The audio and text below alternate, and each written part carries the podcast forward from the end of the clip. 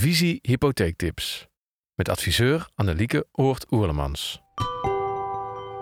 In deze hypotheektip kan ik als arts in opleiding tot specialist een hypotheek krijgen.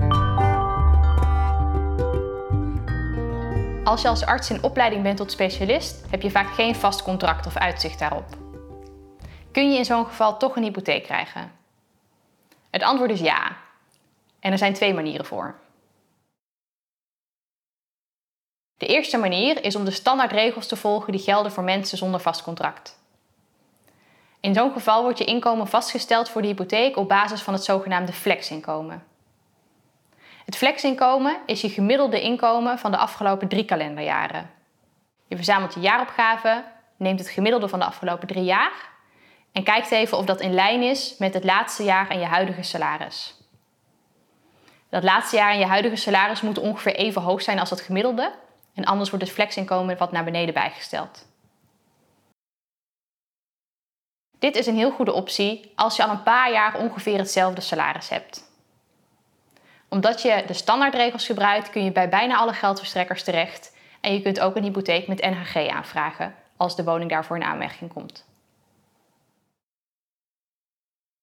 Bij veel artsen in opleiding geldt dat ze nog niet drie jaar een stabiel inkomen hebben, omdat ze bijvoorbeeld net zijn afgestudeerd. In zo'n geval kun je beroep doen op een speciaal doelgroepenbeleid.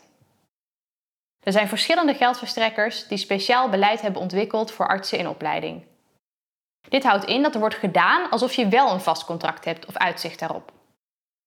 Het idee daarachter is dat artsen in opleiding tot specialist een heel goed toekomstperspectief hebben en in elk geval hetzelfde en waarschijnlijk een veel hoger salaris gaan verdienen. En er dus weinig risico is voor een geldverstrekker. In zo'n geval vraag je je werkgeversverklaring op.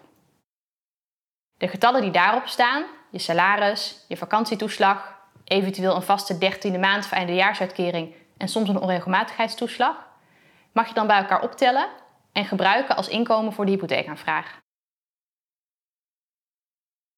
Als je nog niet zo lang werkt of als je net een grote stap hebt gemaakt in inkomen, kan dat dus heel veel schelen ten opzichte van de standaardregels voor het flexinkomen. Houd er wel rekening mee dat dit een uitzonderingsbeleid is. Dus het kan niet bij alle geldverstrekkers en je kunt ook geen hypotheek met NHG aanvragen. Laat je dus van tevoren goed informeren bij welke aanbieders het zinvol is om een aanvraag te doen. Let op. Het is in veel gevallen niet mogelijk om met toekomstig inkomen te rekenen voor de hypotheek. Als beginnend arts kan het best zijn dat je in de toekomst veel meer gaat verdienen dan je nu verdient. Alleen inkomensstijgingen op korte termijn, binnen een half jaar, die al vast liggen, onvoorwaardelijk, bijvoorbeeld met een nieuw contract of met een cao-stijging, kunnen worden meegeteld voor een hypotheekaanvraag. Inkomensstijgingen verder in de toekomst kunnen niet worden meegenomen bij een hypotheekaanvraag. Niet voor artsen in opleiding en ook niet voor andere beroepen. Er zijn dus verschillende aanbieders die een speciaal doelgroepenbeleid hebben voor artsen in opleiding tot specialist.